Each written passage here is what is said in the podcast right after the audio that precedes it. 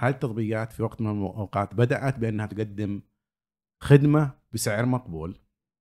بعدين انتشروا استحوذوا على السوق ومجرد ما استحوذوا على السوق وضمنوا بدأوا يرفعوا أسعارهم لدرجة آه مبالغ فيه حاخذ 30% أو 35% من القيمة. يا أخي إيش بقيت للمسكين اللي اللي حيوصلني المشوار إنك أنت احتلت السوق. ثم بعدين استمرت ما تقدم شيء مميز للأطراف اللي عندك في النهاية كلها في المنصة هذه حتيجي منافسة حتقتلك المنافسة وحتأخذك. والأمثلة كثيرة جدا جدا جدا في هذا المجال.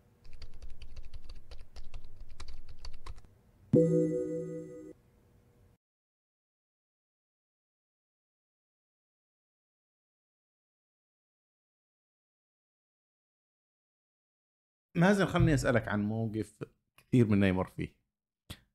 توصل المطار تنزل تاخذ عفشك تطلب كريمة وأوبر. أوكي؟ وبعد ما يتحدد لك مين اللي حيجيك يجيك اتصال منه. تعرف المحادثة اللي حتصير. آه، إيش رأيك تكنسل و... وتيجي معي؟ آه، تدفع لي مباشرة. بعض الأوقات ممكن يقول لك أخصم لك 10 أو 15 ريال. لو يمر عليك هذا الموقف إيش يكون ردك؟ ردك على السائق لما يتصل فيك. أوه آه قد صارت لي أساسا في المطار. أوكي. آه، جيت كنت في رحلة من جدة للشرقية هنا واتصلت أو طلبت رايد على قولهم على واحدة من التطبيقات المعروفة المستخدمة عندنا في السعودية. لما وصلني السائق طبعا أنا في البداية من عادتي دائما أطالع في السائق واللي يسمونها ال rating أو. ال score حقه في النهاية. وأشوف مثلا هل هو مثلا خمسة من خمسة أربعة ونص من خمسة وهكذا. هذه بالنسبة لي يعني تساعدني إني أعرف أقول هذا ال- ال- السائق مثلا أو صاحب السيارة راح يكون جيد خدمته جيدة ولا لا. فصارت لي إنه حصل معي هذا الموقف. مرني وقال لي كنسل الطلب وادفع لي أنا كاش مباشرة. طبعا في النهاية فهمت العلة فهمت السبب لكن في النهاية رفضت إني أنا. أكنسل الرايد هذا لأنه في النهاية أنا راكب مع واحد ما أعرف ولا يعرفني بينه وبينه التطبيق هذا اللي يساعدني إنه أنا أكمل هذه العملية اللي هي إنه يأخذني من نقطتي من المطار إلى شقه البيت فصارت لي بس إني أنا رفضت. طيب. ليش؟ في النهاية أنت ترى جالس تأخذ نفس الخدمة يعني. إيش اللي يخليك ثقتك هذه إنه لازم أتعامل مع هذا الشخص عبر المنصة؟ جميل. أو عبر لما أقول منصة قصدا التطبيقات اللي تربط بين الناس. جميل. يمكن هنا هذه أنا أرجع لنقطة إنه آه، هذا شخص ما أعرفه وهو ما يعرفني إحنا غرباء.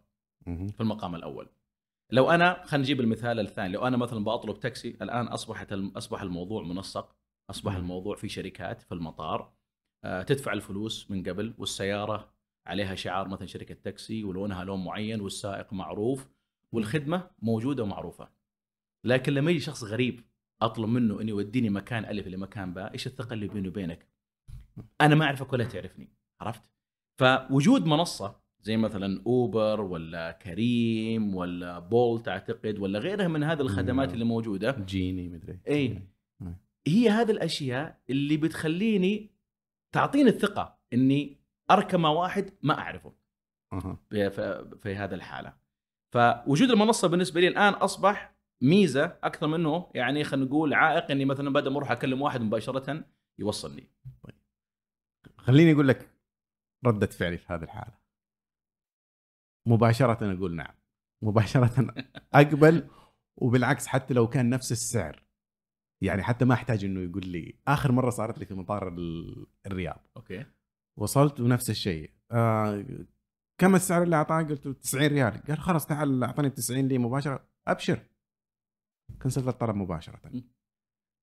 آه أتفق معك إنه في شغلات الأمان وما اليه وإنه المنصة بس بالنسبة لي هذه الفوائد ما توازي حجم التحفظات اللي عندي على أثر هذه التطبيقات على خياراتي أنا كمستهلك. أوكي. يعني الآن أنا من مصلحتي إنه يكون عندي خيارات. إنه مو كل مرة أصل المطار ومثلا وقت زحمة كل التطبيقات حطوا لي السعر 150 أو 200 ريال ومضطر أنا في النهاية إني أشتري منهم كل ما كثرنا الخيارات وواحده منها إنه نتحايل نستخدم التطبيقات نفسها من داخلها عشان نوجد ناس بس في النهاية هم يستفيدوا آه من الخدمة. أتوقع في النهاية هم عندهم أساليب يتحكموا في هذا الشيء إنه آه إذا شاف الواحد يكنسل عدد مرات أو متأكد إنهم يراقبوا كل المعلومات اللي جالسة تصير. لكن وجهة نظري إنه هذه التطبيقات في وقت من الأوقات بدأت بأنها تقدم خدمة بسعر مقبول. بعدين انتشروا استحوذوا على السوق ومجرد ما استحوذوا على السوق وضمنوا بدأوا يرفعوا أسعارهم لدرجة آه مبالغ فيها. خصوصا إنه لما يقول لك إنه حاخذ 30% أو 35% من القيمة يا أخي إيش بقيت للمسكين اللي اللي حيوصل المشوار يعني أنا في تفكيري لما أقبل بأي حق مثلا إذا كانت قيمة التوصيل 35 100 ريال الشركة هذه تأخذ 30 ريال وهي لا دافعه البنزين ولا هي دافعه ال- التأمين ولا صيانة السيارة ولا شيء. وممكن أزيد لك إنه السبب اللي قال لي إياه السائق هذاك اليوم قال إنه الفلوس ما تجيني مباشرة حقت الخدمة اللي أسويها إنها إيه. تتأخر لي أسبوع إلى أسبوعين وأنا في أمس الحاجة لها. أكيد. هذا سبب ثاني. اي. يعني لو يحتاج إنه يعبي لك بنزين عشان يوصلك ما أحيانا يمكن ما يكون عنده الخيار إلا إذا كان الدفع طبعا عن طريق كاش لكن هذا يمكن يعني أنا تعجبني هذه القصة لأنه هذا الموقف بس اللي دائما يتكرر معنا يلخص كل النقاشات اللي الآن جالسة تصير بين الناس حول دور منصات الاقتصاد التشاركي. لما نتكلم عنها يعني تطبيقات توصيل الأكل، تطبيقات التكاسي، كل التطبيقات اللي في النهاية ما يقدم الخدمة بنفسه بينما يربط بين منتج ومستهلك. تسمى منصات الاقتصاد التشاركي، حنقول عليهم منصات بس في في هذا ال- الحوار. أنا من وجهة نظري إنه في النهاية في خدمة بتقدم ولها قيمة معينة. ابدا ما اعتراضي مو بس على المنصات وجودها، وجودها إيجابي وبالعكس حلت لنا مشاكل كثير خصوصا لما تسافر أو في أحياء ممكن التكاسي ما تجيها. لكن مع مرور الوقت بدأوا يشوفوا إنهم أنا ما أستحق بس 10% لا أنا أستحق 20% لا أنا أستحق 30% لأنه كل النموذج حقهم قادم قائم على إنه لازم ارباحي تنمو المستثمرين لما يطالعوا في هذه الشركات يبغوا يشوفوا نمو في الأرباح. في وقت من من الأوقات النمو ما كان مشكلة. لأن مستهلكين جدد مستهلكين جدد فيجي هذا النمو. لما توقف النمو في عدد المستهلكين صار الشيء المنطقي إنه يجي النمو عن طريق حصتهم في المعاملة أو أسعارهم. رفعوا الأسعار بس أيضا رفعوا الحصة اللي يقتطعوها من آه من كل هذه التطبيقات. فوجهه نظري لما توصل إلى 30% أقول أوكي الآن بدأت. أنت في نهايه الأمر حتضرني أنا كمستهلك لأنه بهذا الأسلوب حترفع الأسعار. يعني في النهاية في سعر ما حد مستعد إنه يوصلك أقل منه. مثلا توصيل المطار ما حد مستعد مثلا يوصلك بأقل من 50 ريال أو 70 ريال. فإذا أنت تقول أنا حاخذ 30% أنت فعليا حطيت السعر 100 و120 ريال. طبعا نتكلم ممكن هذا التسعير تنطبق على أكثر مطارات المملكة بس آه باختلاف. فهذا السؤال اللي يبغى يدور حوله نقاشنا اليوم. المنصات هذه الآن اللي تغلغلت في الاقتصاد. يعني أي خدمة تفكر إنك تطلبها؟ حتلقى إنه في منصة وسيط بينك وبين المنتج. وفي أحيانا صعب الوصول إلى المنتج من غير هذه المنصة. زي ما صار في مسألة التكاسي. هل نتيجتها بشكل عام إيجابية أو سلبية للمستهلك؟ آه ودي أعرف رأيك. والله ال- الموضوع بحد ذاته شيق جدا. وأعتقد من مثال التاكسي اللي ذكرناه يبدو ان أنا وأنت عندنا وجهات نظر نوعا ما متباينة في هذا الموضوع. okay. ف خلينا ن- نمشي على يا أخي كنا نركب مع الكداده يعني. أنت تقول لي الثقة وما أدري إيش. كنت تركب مع الكداده ويحط ثلاثة أشخاص قدام وما حتى ما في حزام أمان لكل الأشخاص. ولا تعرفهم ولا يعرفونك وتروح من مدينة لمدينة. ولا تدري متى آخر مرة نام. أي. ولا السيارة هذه كيف حتمشي؟ ف يعني آه، جميل. طيب. طيب أنا أنا خلني ممكن أبدأ آه، أبني على المثال الأول حق اللي هو مثال التاكسي okay وأنا أقول من أي مبدأ كان منطلقي أنا وكيف إنه منصات الاقتصاد التشاركي أو المنصات الرقمية في رواية أخرى كيف أعطتني خلتني أستخدم مثل هذه النوعية من الخدمات أو يسمونها النشاط الاقتصادي اللي هو التوصيل من نقطة ألف لنقطة باء. نعم. طيب زي ما قلت لك أنا في النهاية شخص مثلا ما أحب إني أركب مع غريب وخصوصا لما يكون مشوار مم. بعيد. إيش وفرت لي هذه المنصات ال- الاقتصاد التشاركي مثل أوبر ولا ليفت ولا غيرها. في عدة خلينا نقول آه، أدوات استخدموها لبناء وتعزيز الثقة بين الطرفين اللي موجودة في هذه المنصة. الطرف اللي يطلب الخدمة اللي هو مثلي أنا والطرف الآخر اللي هو يقدم الخدمة اللي هو السائق وفي المنتصف يجي عندنا منصة أوبر ولا كريم. مثل هذه المنصات ال- التكاسي أو توصيل الأفراد والأشخاص تبني مثل ما قلت لك أدوات تعزز الثقة بين الطرفين اللي ما يعرفون بعض، في النهاية أنا جاي. وأنا والسائق جاي ما نعرف بعض. مثل عندك اولا الصور أنا صورتي موجودة وصوت. السائق موجودة. أوكي هذا يخلي فكرة إنه هذه العملية الاقتصادية تكون خلينا نقول فيها نوع من الإنسانية. فهو يشوفني وأنا أشوفه، على الأقل أعرف اللي بيجي يأخذني من أول إنه هذا شكله وهذا شكلي، يعني يعطيني مم. نوع من الثقة والهدوء. ثانيا في نظام ال rating اللي هو التقييم، في النهايه زي ما قلت لك إنه أنا أعرف السائق هذا مثلا أخذ خمسة من خمسة ولا خمسة من أربعة.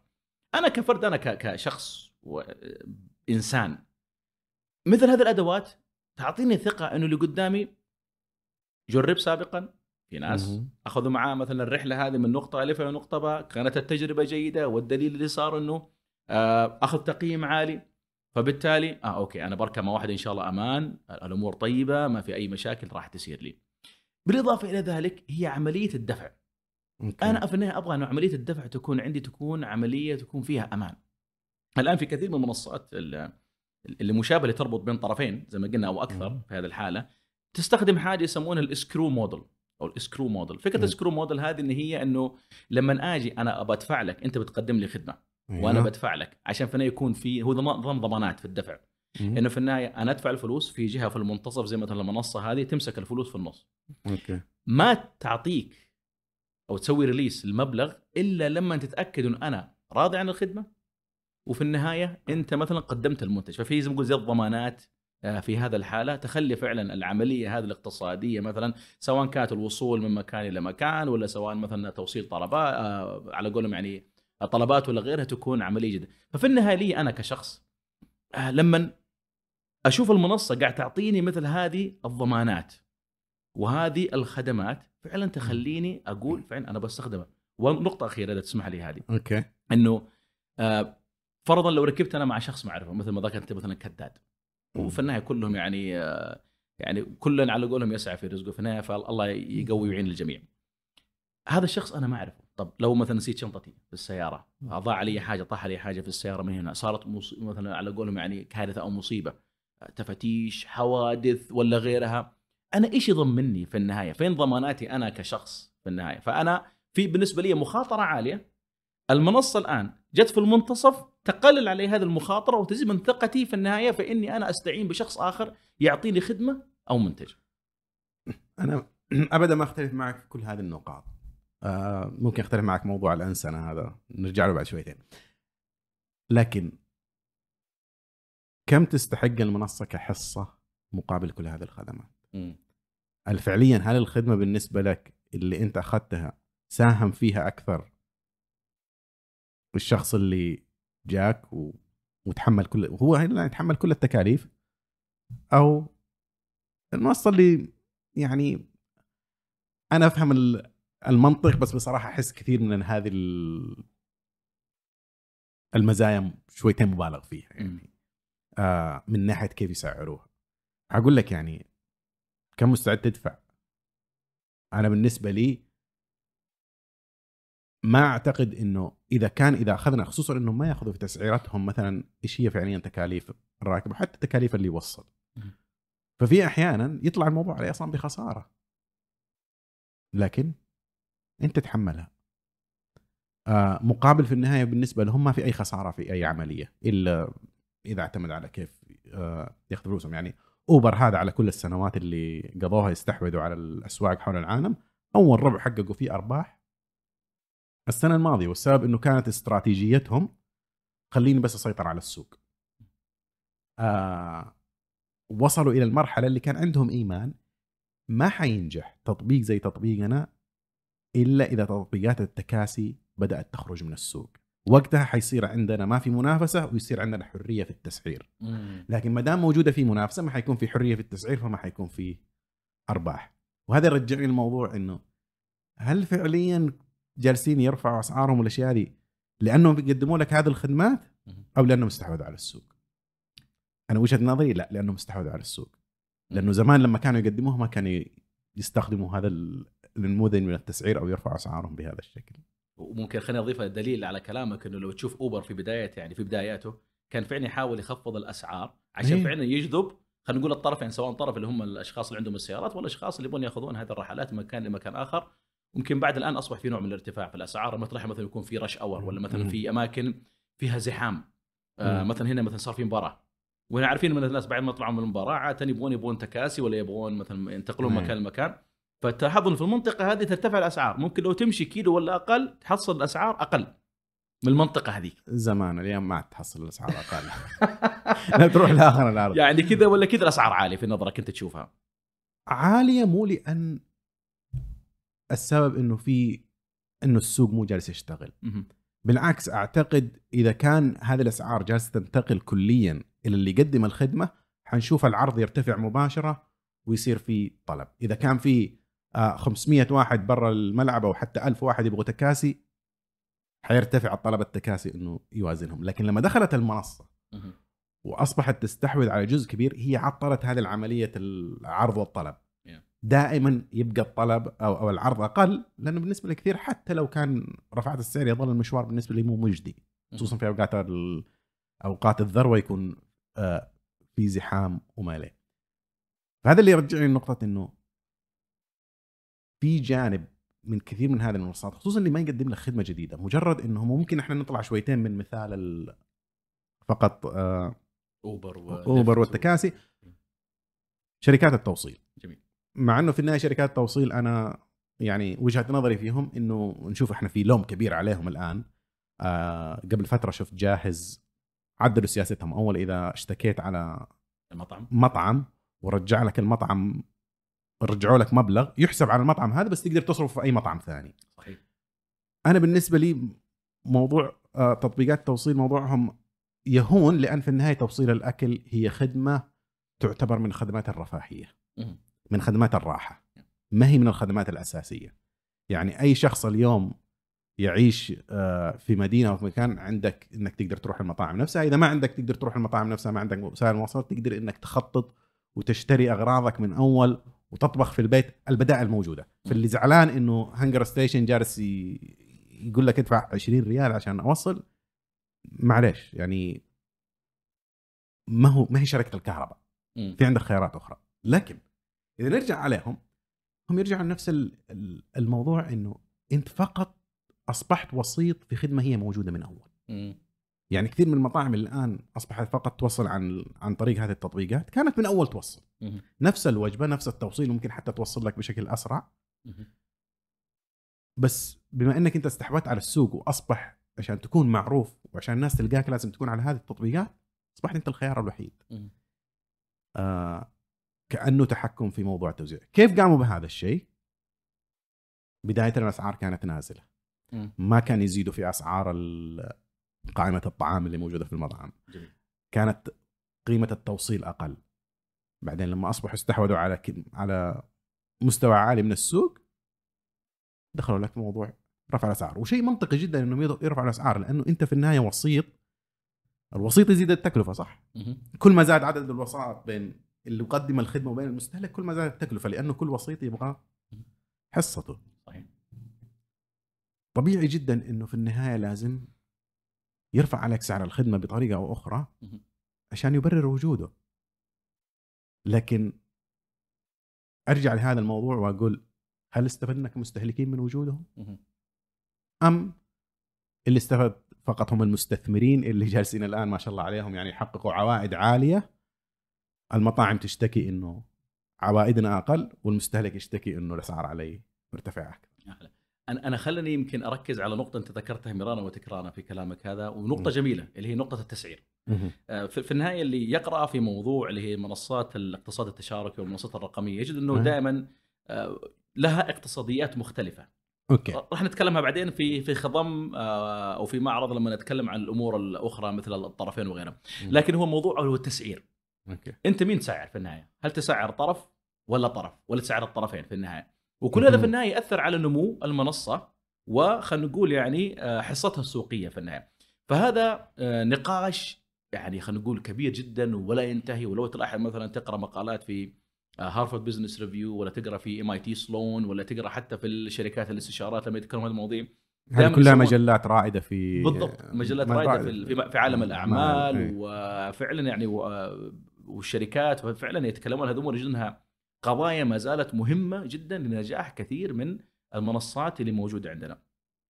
وكان دائما يشبهونها مشكلة البيضة والدجاجة، أيوة. يعني أنت في النهاية يعني تركز على أي جانب. مقابل جانب آخر. عشان بس يا. ممكن تشرح مسألة البيضة والدجاجة هذه بالضبط. بشكل أكبر إنه لو تقدر تشرحها في مثال ممتاز من أتى أول البيضة ولا الدجاجة؟ نفس الكلام بالنسبة للمنصات، أنت في النهاية من عندك له الأولوية أول أول ما تبدأ فيه، يعني خلينا نقول منصة أنا وأنت سوينا منصة. فرضا المنصة هذه اللي بنجمع فيها بين طرفين، طرف ألف وطرف باء. حلاقين آه، خلينا نقول حلاقين OK مم. حلاقين ناس يقدمون خدمات حلاقة يجون للبيت وفي النهاية آه. عندك زبائن يطلبون هذول الحلاقين للحلاقة. ممتاز طيب في النهاية سوينا سوينا business لا ما شاء الله. دور آه، مستثمرين اللي يسمعها. telepathy موجودين خلاص ما يحتاج يستثمرون. فيها. آه. ففي النهاية نبدأ من أول نبدأ بالزباين اللي يبغون الحلاقة هم أول ناس نركز عليهم وجذبهم عندنا في المنصة ولا نبدأ بالحلاقين فأنت مم. صار عندك مشكلة مع مين مم. تبدأ اول ومين هم عادة يكونون الأولوية لهم في البداية ثم بعدين في النهاية لما ينمو عندك جانب الجانب الثاني راح ينمو عندك مهم. OK وبالتالي كل ما ين... جانب ينمو مع الآخر يجوز ان الجانب الآخر يكون فيه positive feedback أو خلينا نقول يعني عائد إيجابي على الطرف الآخر يعني مثلا لو مم. زاد عدد. خلينا نقول اللي يبغون يستخدمون الخدمة. كل ما زاد عدد ال- الحلاقين وكل ما زاد الحلاقين كل ما توفرت خيارات للشخص اللي, بي... اللي بيقدم على الخدمة هذه إنه في حلاقين متوفرين في. الوقت الفلاني وفي مثلا الحلاق مثلا مهتم بال style هذا ولا الأسلوب هذا ولا كذا وكذا كذا ففي تأثير إيجابي كلنا على الطرف الآخر لكن نيجي على موضوع التسعير في النهاية أنت كمنصة. تاخذ خلينا نقول أرباحك من فين؟ يعني طبعا في أكثر من طريقة بالنسبة للأمان الأرباح المنصات، يعني منها ممكن تستفيد منها ك آه، يسمونها دعايات advertisements. هذه واحدة من الأساليب بدون ما charge الطرفين، في النهاية أنا أستخدم المنصه في النهاية أسوي advertisements وفي النهاية تجي منها فلوس، أو إني مثلا آخذ آه، مثل ما يقولون charges من طرف أو آخر أو الطرفين كلها، يعني مثلا الحلاق لو جاء له. طلب في النهاية وحيحلق مثلا ب 30 وهذا الشيء أنت اللي ذكرته في النهاية حنقول له أعطيني cut منها 5 ريال ولا 10 ريال. هذا ممكن يؤدي إنه الحلاق فين يسوي؟ يضطر يرفع الأسعار. طيب لو أخذتنا من المستهلك هل هو صحيح ولا ما هو صحيح؟ أنا تخيل الآن أنت الحلاق وأنا ابى احلق. لو جاء قال لي إنه يعني بالإضافة إلى الحلاقة هذه أنا حشرجك أنت يا مازن مثلا 5 ولا 10 ريال على الخدمة هذه. مهم. مو كل الناس حتقبلها؟ فالموضوع حساس. موضوع التسعير إنه عندك أكثر من طرف ممكن يكون طرفين ثلاثة أربعة. موضوع أوكي. جدا حساس. لكن خليني أرجع لك على نقطة. إيش اللي تخليني مثلا أرجع لمثال أوبر ولا حتى على مثال توصيل الطلبات؟ أجيب لك مثال حقيقي. OK. صار معايا قبل متى؟ يوم الجمعة أظن. يوم الجمعة. OK. آه يوم الجمعة ويوم السبت والله ما أذكر بالتحديد لكن هو المثال صار إنه. زوجتي قالت الساعة 12 الظهر يلا مازن في أغراض ناقصة لازم أنا أحتاج عشان الطبخة الفلانية قلت الساعة 12 الظهر في الشرقيه وفي سبتمبر لا والله ماني برايح فإيش سويت؟ قلت لا هنجر ستيشن قالت لا روح أنت بنفسك هنجر ستيشن. دخلت موقع هنجر ستيشن طلبت الطلب وصلني تقريبا في غضون نص ساعة ولو أشوف تقريبا التكلفة ممكن تكون مرتفعة تقريبا 5 5 ريال 6 ريال تقريبا لو حتى لما تروح مثلا. محل خضار وفواكه لكن في النهاية أنا ما طلعت الساعة 12 الظهر تحت الشمس. ثانيا اشتريت راحتي ففي جانب بالنسبة للمستهلك ممكن إنه يرضى طبعا يمكن هذا نتركه أنا شخصيا يمكن ما عندي خلفية أتركه للمسوقين. يعني أنت ما شاء الله خلفيتك في التسويق ممتازه أفضل مني وتفهم في الأمور مثلا سلوكيات المستهلك لكن المستهلك في النهاية نوع من الأشياء اللي يسويها اللي هي حسبة. معينة ممكن تخليه في النهاية إنه يدفع زيادة للخدمة من أجل آه، الراحة مثلا من أجل الثقة وغيرها من الأمور اللي تخليه يرضى بهذا النوع من الخدمات حتى لو كانت أسعارها زايدة مقارنة بالسوق آه، اللي موجودة في هذا الحالة. لا هذا يرجع للنقطة اللي ذكرناها إنه في النهاية هي خدمة رفاهية، خدمة راحة. واحد ما يبغى يطلع في نص الليل أو ما يبغى يطلع في الحر ومعتمد على شخص ثاني. وما نختلف في هذه. تبغى مثل هذه الخدمة خليك مستعد إنك تدفع. أعتقد اللي يزعل الناس شويتين. أنت موضوع التسعير. لما نقول هل أنا أسعر على المستهلك أو أسعر على المنتج. في الغالب مثلا كثير من تطبيقات ال- ال- الأكل على أساس إنه أنت تأخذ من المستهلك. وتسلم ال- المنتج حصته زي ما هي. المبلغ اللي جاء تسلمه له. ممكن اللي زعل الناس إن أنت جالس تسعر من الطرفين. من شهر رايح OK. جاي. OK. يعني مو البيضة والدجاجه أخذتها كلها. إيه. ال... اللي يصير مثلا إنه أنت بترفع السعر عن سعر ال... وشفت الإحصائية طلعت إنه 20% تقريبا في المتوسط. فرق بين سعر قائمة الطعام عند المطعم وسعره عند اللي يطلع في التطبيق. الناس كثير منها يحسب إنه جالس يدفع فعليا لقيمة الأكل ال... زي ما هي. فممكن هذا الشيء اللي يزعلهم شويتين إنه في موضوع غموض في طريقة عرض المعلومات. مم. ممكن هذا نتطرق له بعدين شويتين لما نتكلم إنه كيف. كيف نحوكم وإيش التشريعات المطلوبة.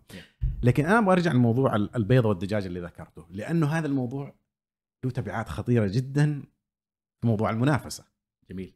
وفي موضوع الجانب المظلم لهذه الشركات معظم المنصات ومعظم اللي يحاولوا حيفشلوا. يعني كثير من التطبيقات تحاول وتفشل لأنه زي ما قلت هذه المشكلة إنه طيب أنا هل أجيب جانب المنتج أول أو أجيب جانب المستهلك؟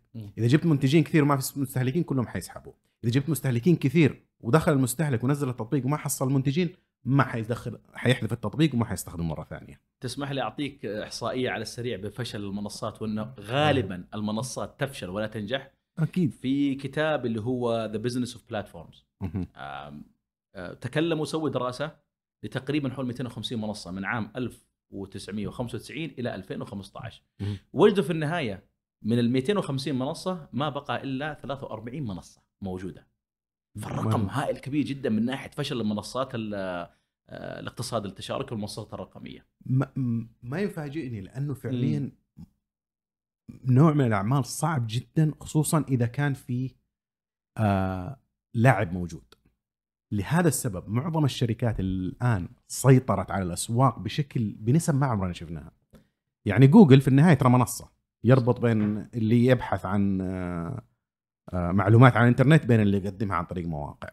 إنه تشوف أسواق مسيطر عليها 90% أو حتى أرقام فوق 70% هذه ما تشوفها في أي أسواق ثانية تشوفها فقط في أسواق المنصات. بسبب موضوع البيضة والدجاجة إنه إذا نجحت في إنك تحرك هذه العملية تدخل أنت في عملية تفاعلية ما لها توقف. يزيدوا المستهلكين يزيدوا المزودين والمنتجين يزيدوا المستهلكين إلى أن توصل لمرحلة تصبح أنت الخيار ال- الوحيد.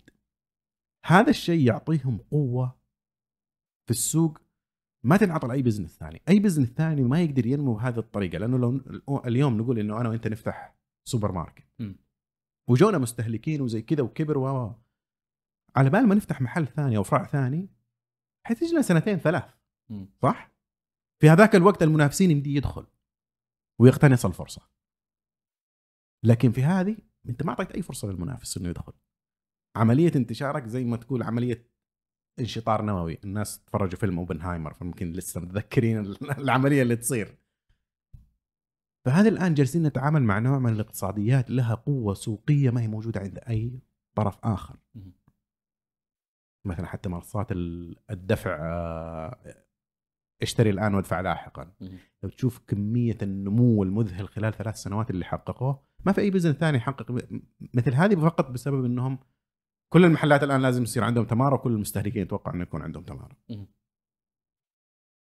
هذه دخلنا إنه زي ما أقول لك انهم هل المنصات جالسة تعطى قوة أو يسمح لها إنها تجمع قوة؟ ممكن ما تشوفها في أي في أي قطاع ثاني. يعني اليوم بس أقول لك لو زين وموبايلي مثلا قرروا إنهم يندمجوا مم. عشان يكونوا بنفس حجم الاتصالات. هيئه حماية المنافسة حتقول لا. انك حتقلل الخيارات. لكن المنصات يعني HungerStation في وقت من الاوقات كان مسيطر على 75% من السوق. شوف يمكن تتذكر في واحدة من الحلقات اللي تكلمنا فيها عن تشريعات الذكاء الاصطناعي إي. وذكرنا إنه قضية الثمنيل حق أوبنهايمر. بالضبط، أوبنهايمر. يعني. ف وذكرنا في هذه الحلقة إنه حتى قلنا جبنا أمثلة على إنه كيف إنه عندك مثل هذه التقنيات لما تدخل في صناعات تقليدية تسبب نوع من الإشكاليات للتشريعات. ولا يخفى على القارئ أو حتى المستمع أو المشاهد إنه واحدة من الأمثلة دائما يعني آه، الآن أصبحت فيها مشاكل كثيرة، يعني منصات تواجه مشاكل بسبب التغير في التشريعات سواء على مستوى دول حتى على مستوى مدن اللي زي اوبر. و Airbnb يعني في النهاية أنت كيف تضع تشريعات مناسبة لأنه للناس اللي يبغون يستأجرون مثلا بيوت أو غرف من Airbnb في النهاية. آه، بحيث إنك تحمي الطرفين وبحيث إنك أنت مثلا ما تكسر المنافسة من الأسواق التقليدية مثلا أسواق الفنادق آه، أو الناس شفت التشريعات اللي نزلت في نيويورك على أوبر ولا على Airbnb؟ اير بي ام بي حجوا منه. الآن صار عليهم متطلبات كثير وصاروا يعاملوا كمعاملة الفنادق. بالضبط. لأنه سيطروا على كل ال- الوحدات في المدينة وأصبح صعب جدا. يعني نسبة الارتفاع ال- الإيجار اللي شهدتها أكثر شيء منهاتن بس كل أمريكا بسبب Airbnb وتشوفها في كندا. وتشوفها في كاليفورنيا مثلا كولايات داخل أمريكا. وعندنا يعني. وعندنا أيوه. يعني تمنع مثلا الخدمات عشان في النهاية في ناس متضررين أو جهات مضرره زي مثلا التكاسي شركات التكاسي التقليدية. في لندن في باريس اي بالضبط. إيه. يعني أنت لو تشوف مثلا واحدة من على قولهم من مفاخر لندن اللي هي التكاسي. أنت تعرف إنه الشهادة عشان تصير سائق تاكسي في لندن ممكن أنا حسب ما أذكر إنك ممكن تأخذ سنتين الين ما تعطى الرخصة إنك تصير سائق تاكسي لأنك لازم تحفظ الشوارع بمسمياتها. فلما تيجي تركب في تاكسي في لندن لما تقول له تعطيه العنوان ركز فيها. يأخذك من هذاك المكان من مكانك إلى المكان الثاني بدون ما يكون عنده GPS بدون ما يكون عنده أي أدوات خلينا نقول يعني رقمية وتقنية لأنه حافظ. اليوم لو اشتغل التاكسي من غير GPS حيقولوا هذا اختطفني يعني. بالضبط. رجعني. اي بالضبط أيوه ف ف فالتشريعات نعم هي تحديات. آه، للمنصات خلقت نوع من خلينا نقول الخلخله في التشريعات التقليدية اللي موجودة وكل ما تيجي جهة تحاول تضع تشريعات معينة تجد إنه هذه التشريعات غير كاملة في أساسها. وطبيعي إنه ما دام إنه موجود بشري راح يكون هذه التشريعات تحل مشكلة تخلق مشاكل بطبيعة الحال. في هذا الحاله لكن في ميزة للشركات والمنصات خلينا نقول اللي بدأوا قبل ما تجي التشريعات إنه في النهاية مم. ممكن هم الآن يعني يكون عندهم نوع من التطور الذاتي الداخلي بما. يتناسب مع التشريعات فلما تيجي منصات جديدة تبغى تنافس هذه المنصات الأقدم قليلا ما قبل التشريعات قد تجد صعوبة في هذا الشيء والعمل هذا آه، اللي اللي موجود لا بس الآن أصبح عندهم قوة يعني إنهم حتى يغيروا التشريعات خصوصا في الأماكن اللي مثلا مسموح لهم إنهم آه، يستخدموا قوتهم السياسية تبرعاتهم الأشياء هذه اصبحوا هم يعيقوا التشريعات اللي ضدهم زي ما يفعل اي أي lobbying. business أيوه ال lobbying بطبيعة أيوة، الحال. إنه نشوفه في كل الصناعات التقليدية وحتى الصناعات هذه أيوة. هذا الشيء لازم منه ما في شيء جديد بدأوا يعني أنا كنت من أول المتبنين ل Airbnb اول مرة حجزت فيه في بداية 2013 مهم. يعني أعتقد إني كنت من إذا تشوف ال curve حق الناس اللي يتبنوا الخدمة من من الأوائل م. وفي وقتها فعليا مقارنة بأسعار الفنادق أرخص بكثير صحيح وما في زيادة ال- الرسوم الثانية وزي كذا وفجأة سيطروا على السوق وأصبح أرخص لك إنك تسكن في فندق من إنك تسكن في في اير بي ام بي. يعني الاير بي ام بي الوحيد اللي ممكن تحصله المكان اللي فعلا ما ودك تروح هناك مم. لو حتى إنه ببلاش مم. صارت نفس العملية إنه رخص آه تسعيرتك استولي على السوق ارفع الأسعار طرد كل المنافسين. ف اذا مم. تسمح لي هذه في هذه النقطة ممكن يعني أرد عليك فيها. أوكي. بطبيعة الحال سواء كنا نتكلم عن منصات الاقتصاد التشاركي أو نتكلم عن الصناعات التقليدية المنافسة موجودة. مهم. ودائما ما يتم الحديث إنه كيف أنت تكسب الحصة الأكبر من السوق. صحيح. وكيف إنك في النهاية إذا كسبت الحصة الأكبر تزيد أرباحك. أدرس مادة في هذا الشيء اي ودائما إحنا نعرف دائما الاحتكار في الصناعات. التقليدية دائما يسبب إلى زيادة في الأسعار هذا الشيء خلينا نقول يعني خلينا نقول النظرة العامة المعروفة فماني شايف إنه المنصات الاقتصاد التشاركي راح تختلف عنها في هذا الجانب خلينا نقول الاستراتيجي أنا في النهاية لو أنا صاحب منصة الآن صاحب منصة ال- الحلاقة. أنا في النهاية أبغى منصتي تنمو وتتطور وفعلا تكون هي المسيطرة والمهيمنة على السوق. عشان النهايه أنا أستفيد طبعا على قولهم give and take المنافع من المنافع. لكن خلينا نتكلم على نقطة من جانب المستهلك الآن. بس خليني أبغى أعلق على. هذه النقطة لأنه ذكرت نقطة مرة ممتازة. ابدا هدف أي business في النهاية خلونا نكون نعرف إيش إيش ال business هذا مسؤوليته لمين؟ مسؤوليته لأصحاب الحلال مسؤوليته للمستثمرين. جاهز مو مسؤوليته إنه يأكلك ببلاش. مسؤوليته إنه في ناس استثمروا في هذا ال business وخاطروا فيه بملايين. الآن أنا حاتبع قوانين البلد اللي موضوعة من من الجهات المختصة أتبعها وأحاول إني أحقق أكبر عائد ممكن آه لل للمستثمر أحيانا ممكن تنصحهم إنهم لا تبالغوا عشان تضمن استمرارية النموذج العمل حقك لأنك لو دمرت المطاعم حتقل الخيارات والناس حيتركوا المنصة. وهذا تدمير المنصة طبعا آه مسألة ثانية ممكن نتكلم فيها. لكن أنا أتكلم من جهة التشريعات. م. هذه انتشارها انتشار فيروسي. م. يعني تستطيع أنها تتمدد في الاقتصاد بشكل سريع جدا وكلنا شفنا هذه. ما في اي ما في أي نموذج عمل آخر وصل لمثل نسبة الاستحواذ اللي وصلت لها Airbnb ولا اوبر في مثل هذه السنوات. لأنه ما في أي حواجز. أنت ما تقدم الخدمة. أنت فقط تربط. أنت ما تبني. أنت ما حتى أحيانا يعني ما تستثمر في البحث ولا التطوير وكل هذه الأشياء اللي تاخذ وقت. أنت فقط تستفيد من نجاح الآخرين. فأنا أقول للمنصات بالعكس وحروح أستثمر فيهم وأتمنى إنك تستحوذ على 100% من السوق وتحقق لي أعلى عائد. لكن كمستهلك وكمشرع لا لازم ننتبه إنه هذه الأشياء ما أعرف إيش النموذج ال- ال- الفعال في تقنينهم لكن الشيء اللي جالس يصير ما هو شيء مستدام. طب مو هذا إذا تسمح لي يعني يا هادي إنه نوعا ما اختزال لأهمية هذا النموذج من الأعمال وخصوصا من جهة المستهلك. أجيب لك مثال الآن. أوكي. زي ما قلنا رقم واحد أنا بالنسبة لي مثلا حكاية الثقة وكيف أنا. أتعامل مع أطراف كثيرة في النهاية المنصة هذه تساعدني على خلق هذه الثقة باستخدام أدوات معينة. فبالتالي في لها فائده إني صحيح. أنا كطرف ححصل مثلا ناس أستفيد من خدماتهم وناس مختلفين ويجمع لي في مكان واحد. ثانيا حكاية اللي هي فكرة إنه ممكن تكون فيها الأسعار قد تختلف من منصة لمنصة بطبيعة الاستراتيجيات المختلفة في النهاية. لكن في النهاية بالنسبة لي الكونفينينس أو الراحة. أنا كشخص مثلا في يوم من الأيام مشغول ما أقدر أطلع أجيب الطلب ولا غيره في النهاية يمكن هذا يسهل لي العملية. النقطة اللي بالنسبة لي الأهم من هذا كله اللي هي عملية البحث عن. الشيء عن الخدمة عن المنتج. أنا كشخص الآن كمازن بسافر برا السعودية مثلا. ولازم أسكن في أماكن معينة.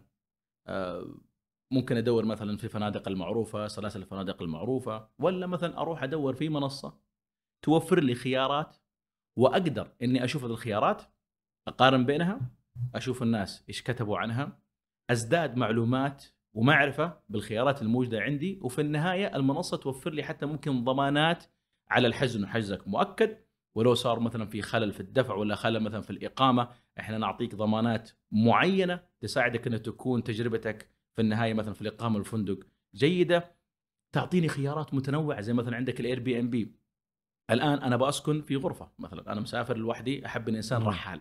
في النهاية بالنسبة السكن هو عبارة عن نوم. وهي ناس كثيرين زي كذا يمكن لو تلاحظوا ما شاء الله تبارك الله ناس في, ناس جميلين جدا في ال- في الموضوع هذا. ال couch surfing يعني اللي يا. يروح ينام في غرفة المعيشة فيه. بالضبط حتى couch على قولك couch surfing إيه.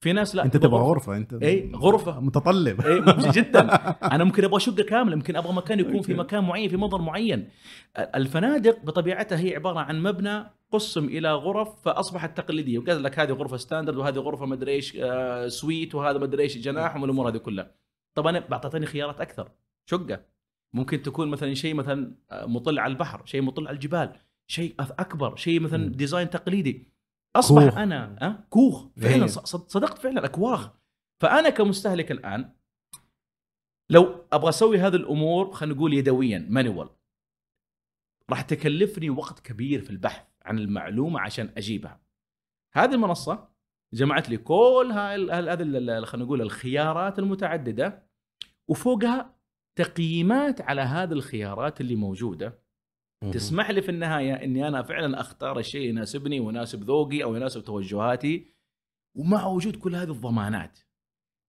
أنا في هذه الحالة كمازن مثلا وما أدري إذا أمثل شريحة كبيرة أو صغيرة من الناس لا أعلم. لكن أنا مستعد إني أدفع زيادة على مثل هذه الخدمات اللي توفرها هذه الشركات. هذا جانب من جانب المستهلك. أوكي حجيب لك جانب اللي هو الطرف الآخر عاد يكون في المنصات اللي هو إحنا دائما يعني آم، كأنه ممكن ننظر المنصة إنها يعني كائن شرير. وقد يجوز إنه في جوانب شريرة. زي, زي ما هو وجهة نظري. آه. أنا حدافع عن نفسي. أنا ما أعتقد إنه كائن شرير. لا اعلم كمل. إيه. آه ما في شيء اللي دائما فيه خير وفيه شر. أكيد. لكن مثلا أنا دائما أفكر في حاجة يعني لما نتكلم إحنا الآن عن ال sharing economy الاقتصاد التشاركي.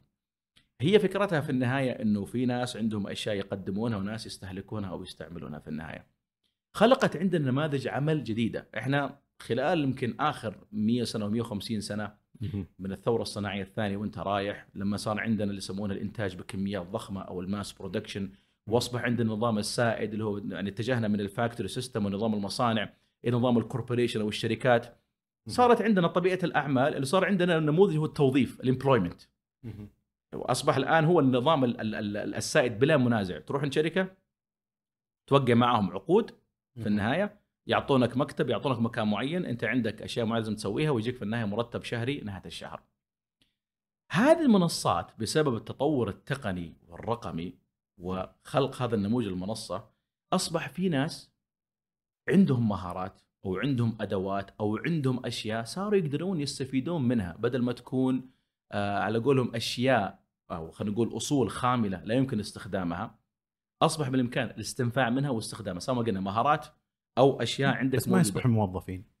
هم ما هم موظفين. هم أيوة. الآن اللي تغير الآن حكاية فكرة التوظيف التقليدية. ليش أنا مو لازم إني ألتزم بفكرة التوظيف التقليدية على المفهوم الاقتصادي القديم؟ الآن ممكن أعمل بحرية. الآن ممكن أنا أزيد دخلي. يعني مثلا الآن فرضا أنا مازن حاب إني مثلا أنا أبني بيت اشتريت أو أشتري أرض وابغى ابني بيت. بيت العمر مثل ما. يقولون يعني. راتبي في جهة عملي راتب محدد ومعروف والزيادات معروفة وكل شيء على قولهم يعني والاستراكشر ففي النهاية ممكن لو أبغى أبني إما إني أضطر إني آخذ قرض كبير جدا واقف فيه على مدى سنين أو إني والله ممكن أشوف لي زيادة مداخيل. كان في الماضي ممكن كان في صعوبة إنك أنت تشوف لك يعني وظيفة جزئية أو يعني تعمل عليها. وممكن تشتغل فقط وظيفة واحدة ممكن ما تكون تناسب طبيعة مهاراتك اللي موجودة. لكن الآن في منصات زي مثلا Fiverr و Freelancer. واعتقد عندنا في السعودية في منصات شبيهة بهذا الشيء. أيوه حتى رخصة العمل الحر والأشياء هذه. بالضبط. أنا مثلا أقدر أجي الآن بالمهارات اللي عندي أروح عند هذه المنصة أعرض خدماتي. حيجون ناس في حالهم أخذوا مهاراتي هذه بطبيعة إيه. الحال. حيجون ناس مثلا يستفيدوا من الناس يا مهاراتي. جماعة مازن رهيب يعني. ف... مازن كويس. خذوا على باله ف ياخذون يعني يستفيدون من مهاراتي اللي عندي اللي أنا ماني مستخدمها في لحظة من اللحظات وفعلا أقدر أحول هذه المهارات إلى مصدر دخل زيادة بالنسبة لي. فالآن أنت خلقت فرصة إنه يكون عندك المجتمعات تقدر إنها ترجع ثاني مرة تتشارك وتستفيد من مهاراتها أو تستفيد من الأصول اللي عندها الغير مستخدمة أو الغير مستهلكة بطريقة جيدة. خليني أبدأ من هذه النقطة جميل. لأنه أعتقد موضوع العمل الحر وإنه ما في توظيف يعني زي اللي يبيع لك شيء سيء على انه شيء جيد أعتقد إنه هذا يمثل تخلف وتراجع في مسألة تنظيم العمل بين آه صاحب المال وصاحب الجهد مم. يعني هذا اللي تجدها فيكم يعني قبل ما تبدأ نتكلم عن الثورة الصناعية حتى الثورة الصناعيه الثالثة اللي بدأت مثلا في بدايات القرن العشرين.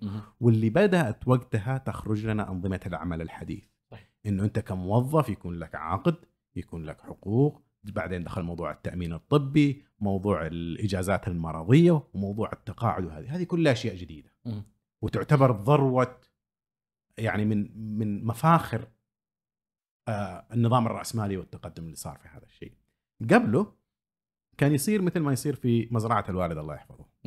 مزرعة الوالد آه عندنا قصب بعدين نحتاج في النهاية في وقت من الأوقات نسميه حشاشة. اللي يجي ويقص ال- القصب الذرة هذه وبالمحزم.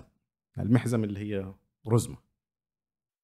في تشتغل يومك كله بعدين في نهاية اليوم يعد كم واحدة أنت حزمت ويحاسبك عليها. هذا نموذج أوبر. هذا نموذج العمل الحر. أنا أشوفه إنه عودة وبالعكس شيء مفروض إن ننظر عليه كجانب سلبي. مفترض أوبر يعني لو أنا خلاص أبغى أتفرغ لهذا الشيء ويصير آه وقت عملي أو حتى إنه عمل خاص إنه يكون عندي المزايا اللي عند أي موظف ثاني. يكون عندي تأمين صحي يكون عندي أيام مرضية اليوم لو تمرض وما تقدر تشتغل أسبوعين في أوبر مين حيعوض. عن هذا الشيء فأنا وجهة نظري إن أنت تشوفه شيء إيجابي أنا أشوفها قمة السلبية مم. في, في النموذج اللي اليوم نعيش فيه اللي في ناس تحاول تقنعنا جزء ثاني إنه في كثير من هذه المنصات توزيعة الدخل ما هي توزيعة زي ما نقول طبيعية بحيث تتوقع إنه معظم الناس ممكن ياخذ نسبة. لا توزيعة إنه مثلا خذ يوتيوب. الناس اللي تنتج وتحط محتوى يوتيوب زي هذا المحتوى اللي نحطه. ما أبغى أبالغ في نسبة وما عندي نسبة محددة بس حنقول إنه نسبة زي 95 أو حتى 90 في 90% حياخذوا 5 إلى 10% من الدخل و1% حياخذ 90% ف في النهاية حتى في توزيع الدخل بينما عملية التوظيف على الأقل آه تسمح بحجم معين من المساواة. أنا أشوف إنه الشيء الإيجابي إنه تضمن إنه الناس عندهم أمان في وظائفهم إنه الوظيفة تدخل لك ال... يعني تضمن لك مصدر آه عيش كريم. هذا شيء له فوائد اجتماعية. ممكن ما له فوائد للشركة نفسها. أنا لو شركة وبيدي إني ما أدفع للناس وأشغلهم ببلاش حسويها. لكن قوانين وتشريعات تحتاج إنها تعالج هذا الشيء. آه فهذه نقطة. النقطة الثانية أنا اللي أبغى أرجع لها إنه لما قلنا إنه نطالع في المنصات ك... ككائن شرير زي ما قلت عجبني الوصف. مم. أنا ما أعتقد إنه كائن شرير لكن أعتقد إنه نحتاج نوصل لأنفسنا ونسأل. أول شيء سؤالين. السؤال الأول آه إيش هي؟ أو حتى خلينا نقول ثلاثة أسئلة. أوكي. السؤال الأول إيش نوع المنصات اللي بالعكس تقدم لنا فائدة وخدمة اقتصادية؟ جميل. لأنه في منصات اليوم يا أخي أنت ما قدمت أي خدمة جديدة ما ابتكرت أي شيء جديد. كل اللي سويته انك أصبحت وسيط بإنك دخلت استخدمت أساليب تسعيريه وهذا النموذج اللي يستخدمه كل الناس. مم. يعني في يمديك إنك تحتكر السوق عن طريق التسويق وفي عن طريق التسعير. كل اللي سووه. هل في تغيرت خدمة اليوم التاكسي عن خدمة اللي كانت قبل 20 سنة. في تغيرات بسيطة. خدمة طلب الأكل هل تغيرت؟ ما تغيرت بهذاك الشيء الكبير. لكن خليني أستشهد بمنصات أنا أعتبرها نماذج آه، إيجابية وحتى منصات محلية. جميل. مثلا هذا الصيف كنت أبغى أشتري سيارة. فأول منصة استخدمتها كانت منصة سيارة. سيارة آه، ميزتهم إنهم عندهم عملية تصليح وصيانة لسيارات مستعملة بس عندهم إنه أنا لو اليوم عندي سيارة مستعملة أروح وأبيع لهم. بالمناسبة ما هم راعي يعني أحس إني جالس أسوي لهم دعاية بس. عشان بس أثبت. بس إذا تبغى تسوي رعاية للحلقة أيضا إحنا موجودين. آه في النهاية أنا اكتشفت لما نزلت المعارض وزي كذا أسعارهم ما هي الأقل.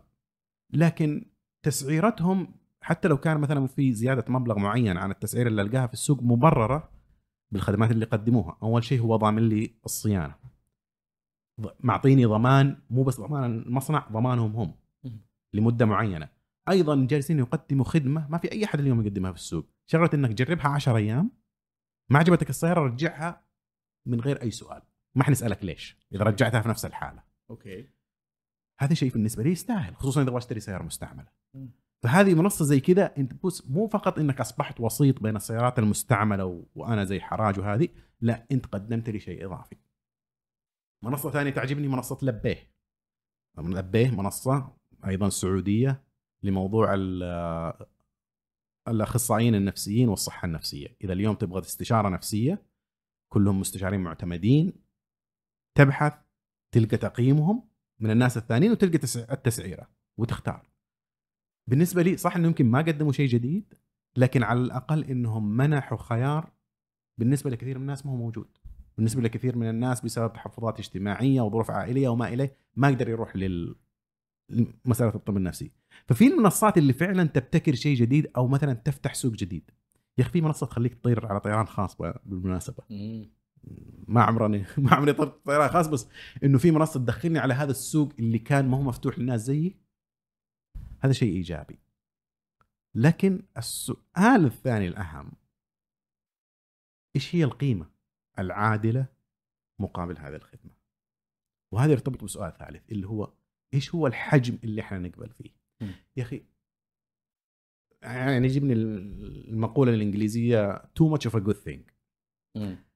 اليوم لو أبغى أحط آه، فلوسي في بنك ما أبغى أختار بنك صغير عنده فرعين أو ثلاثة لأنه في النهاية ممكن آه، يعني تجيهم قبعة وفلوسي راحت. من مصلحتي إني أختار بنك عنده حجم معين بحيث إنه يقدر يغطي آه، التزاماته لي من ودائع الناس الثانيين. هذا نموذج البنوك بالمناسبة. لو كلنا نروح في نفس الوقت نبغى فلوسنا البنك فلس. صحيح. لكن ما أبغى بنك هو يسيطر على كل السوق. لأنه لو سيطر البنك هذا وأصبح هو البنك الوحيد اللي مثلا مالك 90% 80% من السوق وقتها ما حنشوف المنافسة في أسعار الفائدة وفي الخدمات والتجديد والابتكار اللي نشوفه في سوق تنافسي جيد زي البنوك عندنا.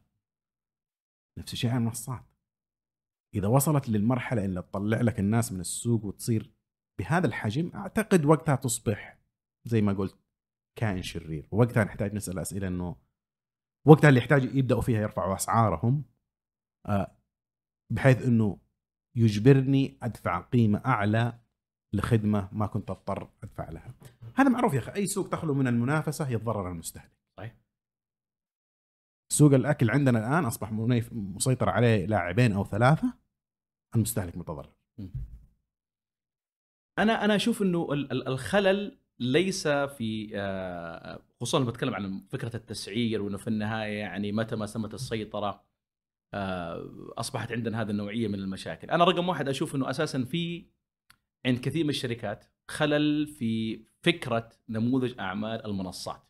ممتاز. والدليل okay. إنه زي ما قلنا الدراسة اللي ذكرت في كتاب اللي هو The Business of Platforms ذكرت إنه. أغلب المنصات اللي وجدت في هذاك الوقت أساسا في النهاية لم تكمل إنه في النهاية في خلل كبير. جدا في فكرة انه كيف تنتقل يسمونها من from product to platform من منتج إلى منصة وهذا يتطلب تغيير في ال في ال architecture والهيكلة الشركات في استراتيجياتها في طريقة تعاملها أيضا مع التقنيات بطبيعتها هذا كله. والحوكمة أيضا هي اربعه خلينا نقول أربع أشياء لابد. دائما تركز عليها الشركات وتنتقل في شركات ولدت أساسا منصات صحيح. وفي زي- شركات التقليدية اللي حولت من فكرة إنها ما هي منصة وحولت تحولت إلى منصة واحدة منهم يمكن كانت مثال اللي هي فكرة أمازون بدأ كفكرة يعني موقع للكتب مهم. ثم بعدين تحول فعليا إلى منصة صح. موجودة عندنا ونفس كلام الفيسبوك ونفس ممكن كلام كثير من الشركات التقنية اللي ولدت مثلا عندنا مايكروسوفت وأبل ولا غيرها حنرجع. لها بعدين وحنذكر بعدين إنها نوع مختلف من المنصات اللي كنت ذكرتها في البداية لكن خلينا نرجع على النقطه اللي هي إنه في خلل في كثير من الأحيان في طريقة فهم فكرة المنصات وإنها نموذج أعمال مختلف بشكل كبير جدا عن نموذج الأعمال التقليدي. فممكن اللي أنا جالس أهاجمهم ما هم منصات أصلا. ممكن هو هم خلينا نعرف إيه، المنصات إيه يعني هم. فعليا منصات لكن فعليا ما عندهم تفكير اقتصاديات واستراتيجيات المنصات. أوكي. لأنك أنت لما فعلا يعني أنت الآن ترى الامثله اللي ذكرتها أنا بالمناسبة يعني على قولهم أنا متفق معك. بس أنا. ذكرتها في النهاية في كثير من الأمور. okay. لكن هي بسبب طريقة خلل في التفكير. كثير من أصحاب المنصات وهذه ترى ملاحظة وأنا حجيب لك مثال الآن. آه وأتكلم عندنا في السعودية بحكم احتكاكنا في السعودية وتعاملنا مع المنصات السعودية. يخلق منصة شركة على شكل منصة. يجيب التفكير القديم التفكير الإداري القديم اللي يتناسب مع اللي يسمونه زي ما قلنا الشركات المنتجة وال product هذه ويطبقها على المنصات.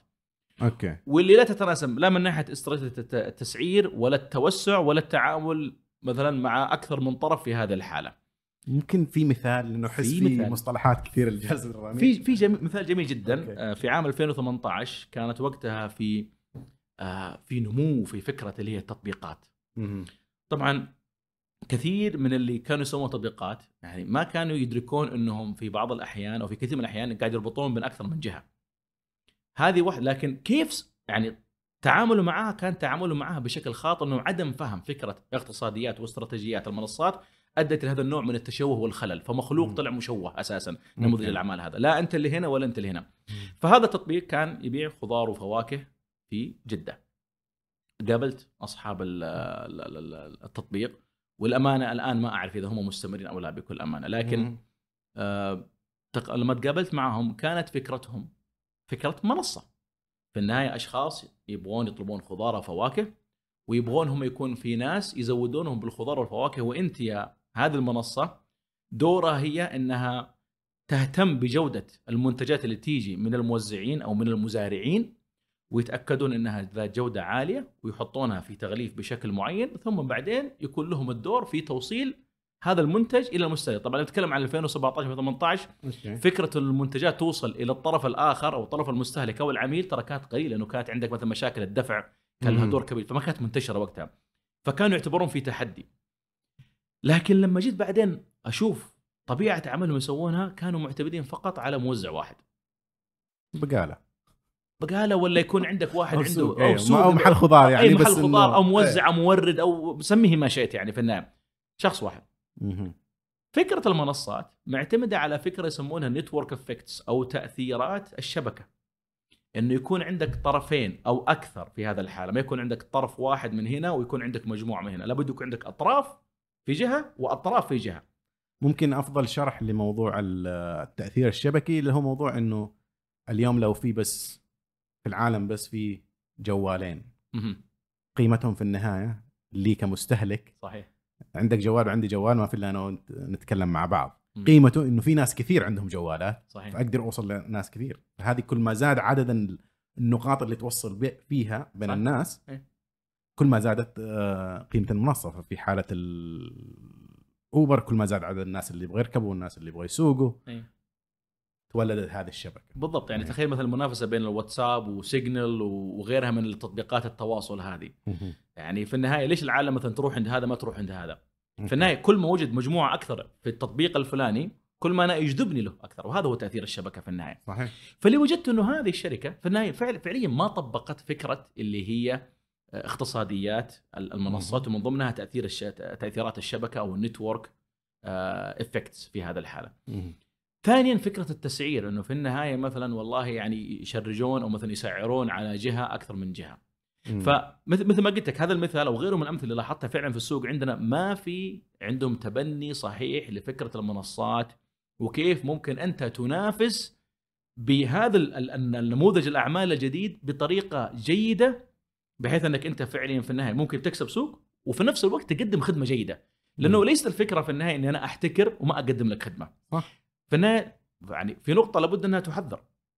إنك أنت مهما يعني مع إنه في في فكرة دائما تقال تقال اللي هي يعني وينرز تيك اول في المنصات. آه، لكن فعليا لا ننسى إنه دائما في منافسة. حتخلق منافسة وحتيجي منافسة. فأنت لو استمريت إنك أنت احتلت السوق ثم من بعدين استمرت ما تقدم شيء مميز للأطراف اللي عندك في النهاية كلها في المنصة هذه حتيجي منافسة. حتقتلك المنافسه وحتأخذك والأمثلة كثيرة جدا جدا جدا في هذا المجال هذا صحيح لكن الدخول إلى السوق محتكر من منافسين تقليديين أسهل بكثير من الدخول إلى سوق محتكر من قبل منصة. مرة أخرى بسبب أول شيء إنه كثير من ال- الجهات اللي زي ما قلت إنها شركة بناء على منتج زي المراعي. اليوم المراعي ما تقدر تنزل سعرها عن آه سعر معين لأنه عندهم تكاليف أراضي تكاليف قطيع تكاليف آه الأسطول وكل هذه فلازم يغطيها بسعر آه تكلفة المنتج نفسه أيوه. أيوه. مبيعاته أيوه بسعر الزبادي وبسعر اللبن. فبسبب هذه تقدر إنك أنت تنافس على السعر تقدر تقول إنه أنا اليوم حأدخل بشركة ألبان وححاول إني أقنع الناس بالتسعيرة والأشياء هذه لكن المنصة ما عنده مشكلة ينزل سعره إلى صفر. يعني آه آه المنصة اليوم ما عنده مشكلة إنه ينزل سعره إلى صفر لأن ما عنده التكاليف هذه. كله عشان يغرق. فحتى لو اليوم أنت تبغى تدخل وتقول أنا جودتي أفضل من إيش حتظل في مسألة السعر عندك إشكالية. ليش تكاليفه أقل يا هادي؟ معلش ممكن توضحها للمستمعين، ليش دائما المنصات تكاليفها أقل من تكاليف ال- الأعمال التقليدية أو الشركات التقليدية المنافسة لها؟ لأنه كل الأصول اللي أحتاجها عشان أشغل آه ال business ما أملكها أنا ولا أتحمل تكلفتها هذه النكتة اللي تقول لك Airbnb تقول لك إنه Airbnb أكبر شركة آه فنادق في العالم وما عندهم ولا مبنى و Uber أكبر شركة تكاسي ولا عندهم ولا سيارة. على أساس إنه هذا شيء إيجابي. أنا أشوف إنه هذا بالعكس هذا شيء سلبي. لأنه هذا يعني إنه Airbnb اليوم يقدر يشيل كل آه، الرسوم والأشياء هذه. وفي النهاية إذا أنت منصة الناس الثانيين ما حيقتنعوا إنه مثلا لو أنا عندي شقة وعندي خيار إني أعرضها على منصتين ححافظ تقريبا على نفس التسعيرة اللي حيختلف يصير مسألة الرسوم. و Airbnb عنده القدرة لأنه عنده كاش وعنده الأشياء هذه إنه فهذا عامل ثاني يخلي المنصات عندها القدرة على أنها تحجم من المنافسة. جميل. ال... إنك تدخل في هذا السوق وتنافس أصعب بكثير من سوق ثاني محتكر. ممكن أجيب لك مثال لعله مثلا يعني يعطي وجهة نظر أخرى أنه لا والله المنافسة وحتى لو أنت احتكرت السوق لفترة ممكن تجد من ينافسك إذا ما قدمت خدمات جيدة. يمكن إحنا كلنا نعرف اللي يسمونها يعني أصعب بس ما هي مستحيلة. أصعب صدقت. لكن ممكن لعله أمثلة توضح إحنا دائما سمعنا عن عن اللي يسمونه ال- البراوزر وور أو حرب المتصفحات اللي صارت نعم. في فترة من الفترات مايكروسوفت مع مع ال- ال- المتصفح اللي كان عنده الإكسبلورر في فترة من الفترات كان فعلا هو المسيطر والمهيمن ونجحت فعلا شركة مايكروسوفت إنها تنجح في في نشر هذا خلينا نقول المنتج. اللي في النهاية غطى السوق كاملا. لكن المنافسة هذه والمنتج هذا كان طاغي فعلا في فترة من الفترات. وإحنا نعرف إنه ال- browsers أو المتصفحات تعتبر ترى platforms لأنه في النهايه عندنا حاجة يسميها مم. ال add-ons أو اللي يسمونها ال extensions اللي هي زي البرمجيات نضيفها على أي. ال browser في النهاية تساعد إنه تعطي قيمة مضافة لهذا ال browser اللي ما تحجب الإعلانات أي أهم حاجب. الإعلانات وممكن اللي يحفظ لك مثلا يطبع لك الأشياء على شكل بشكل PDF بشكل أفضل إيه. وغيرها من الأشياء كثير ممكن تستفيد منها بكل أمانة. كانوا محتكرين السوق بشكل كبير جدا. لكن الشركة فعلا ما نجحت إنه تحافظ على هذا اللي يسمونه ال momentum أو هذا اللي خلينا نقول المجهود والمستوى والاحتكار وأدى إلى ظهور متصفحات منافسة مثل ال- ال- الفايرفوكس ومثل الجوجل كروم وغيرها اللي فعلا أصبحت هي المتسيدة في مشهد المتصفحات على مستوى الإنترنت. فهي الفكرة بقول إنه يعني قد يكون عشان يفهم المشاهد إنه ممكن أنا لعلي أميل لرأيك أنه نعم في صعوبة مع المنصات خصوصا لأنه هذا الشكل اللي هو اللي عدم امتلاكها للأصول يساعد أنها تنتشر وممكن تطلب يعني أسعار أقل في البداية ثم تحتكر السوق.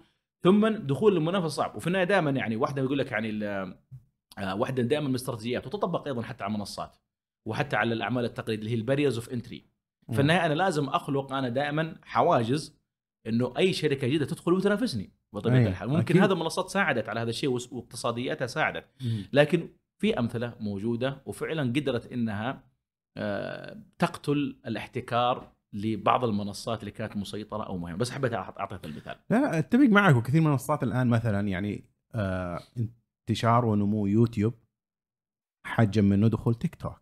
تيك توك استغل آه يعني فرصة في السوق إنه يقدم لك محتوى ما هو قائم على ما يسمى العلاقات وإنما قائم على الاهتمامات.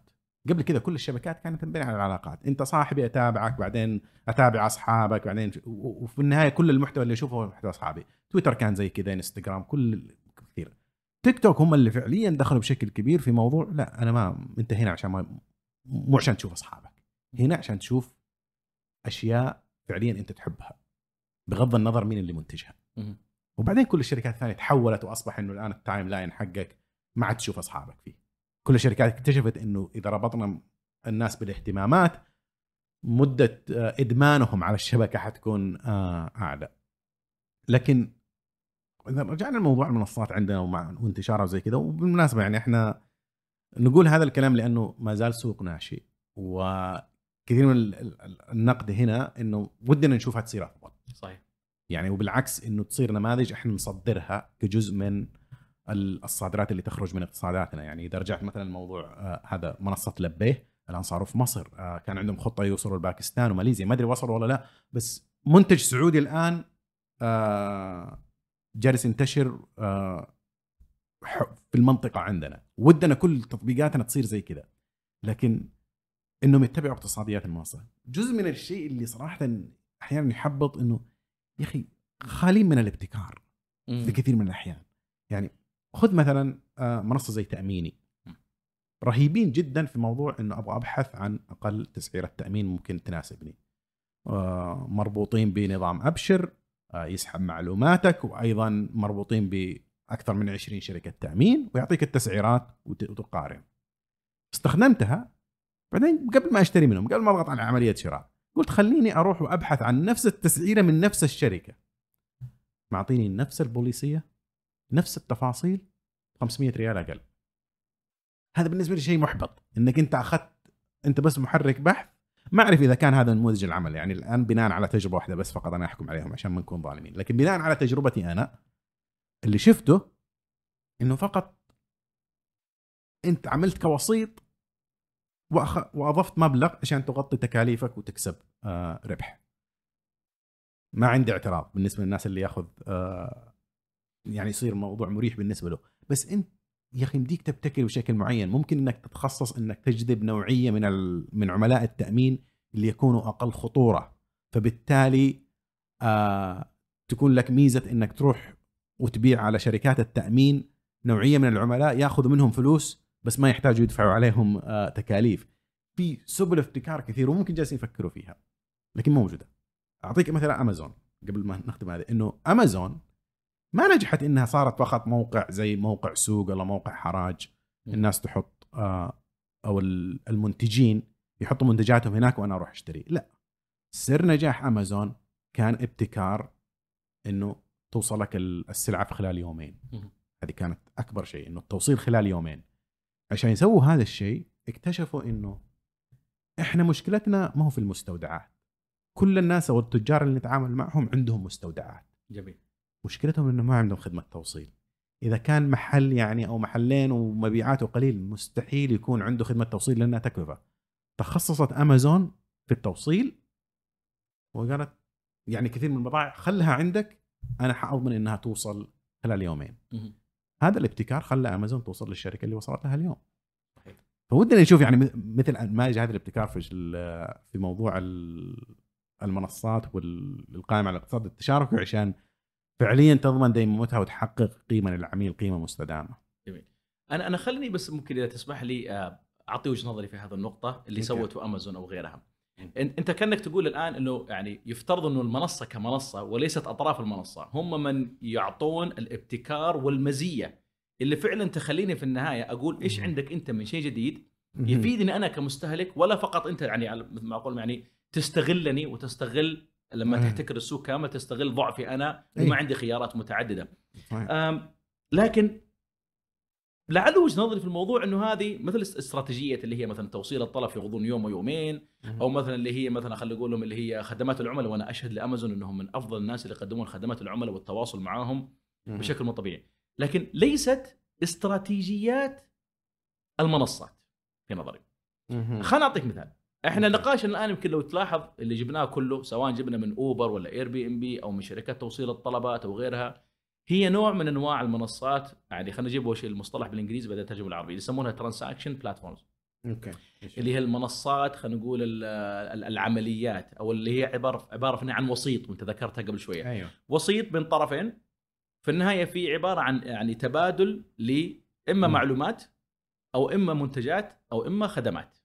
عندنا هنا في النهاية. وف... وفعلا هذا النوع خلينا نقول من المنصات فعلا يعتبر في النهاية وسيط حلقة وصل بين الطرفين اير بي ام بي اير بي ام بي اوبر كل كله بالضبط. وجاهز وغيره وتأميني وكلها من هذه الشبكه المواقع أو المنصات. فعلا هي في النهاية وسيط. في النهاية. وممكن هذا اللي ادى اللي طلع عندنا هذا النوع من الخلل في الممارسات يعني والله مثلا ما في خدمات تقدم ما في شيء. نقول لك أنا في النهاية okay العالم عندي. ساعد عندي العدد من هنا ومن هنا. في النهاية خلاص. أنا مجرد إني وسيط بينهم حلقة وصل. أو بالإنجليزي أيضا في كلمة أيضا حتى في كتاب اسمه The Matchmaker أيوه هذا ال matchmaking هذه بالضبط.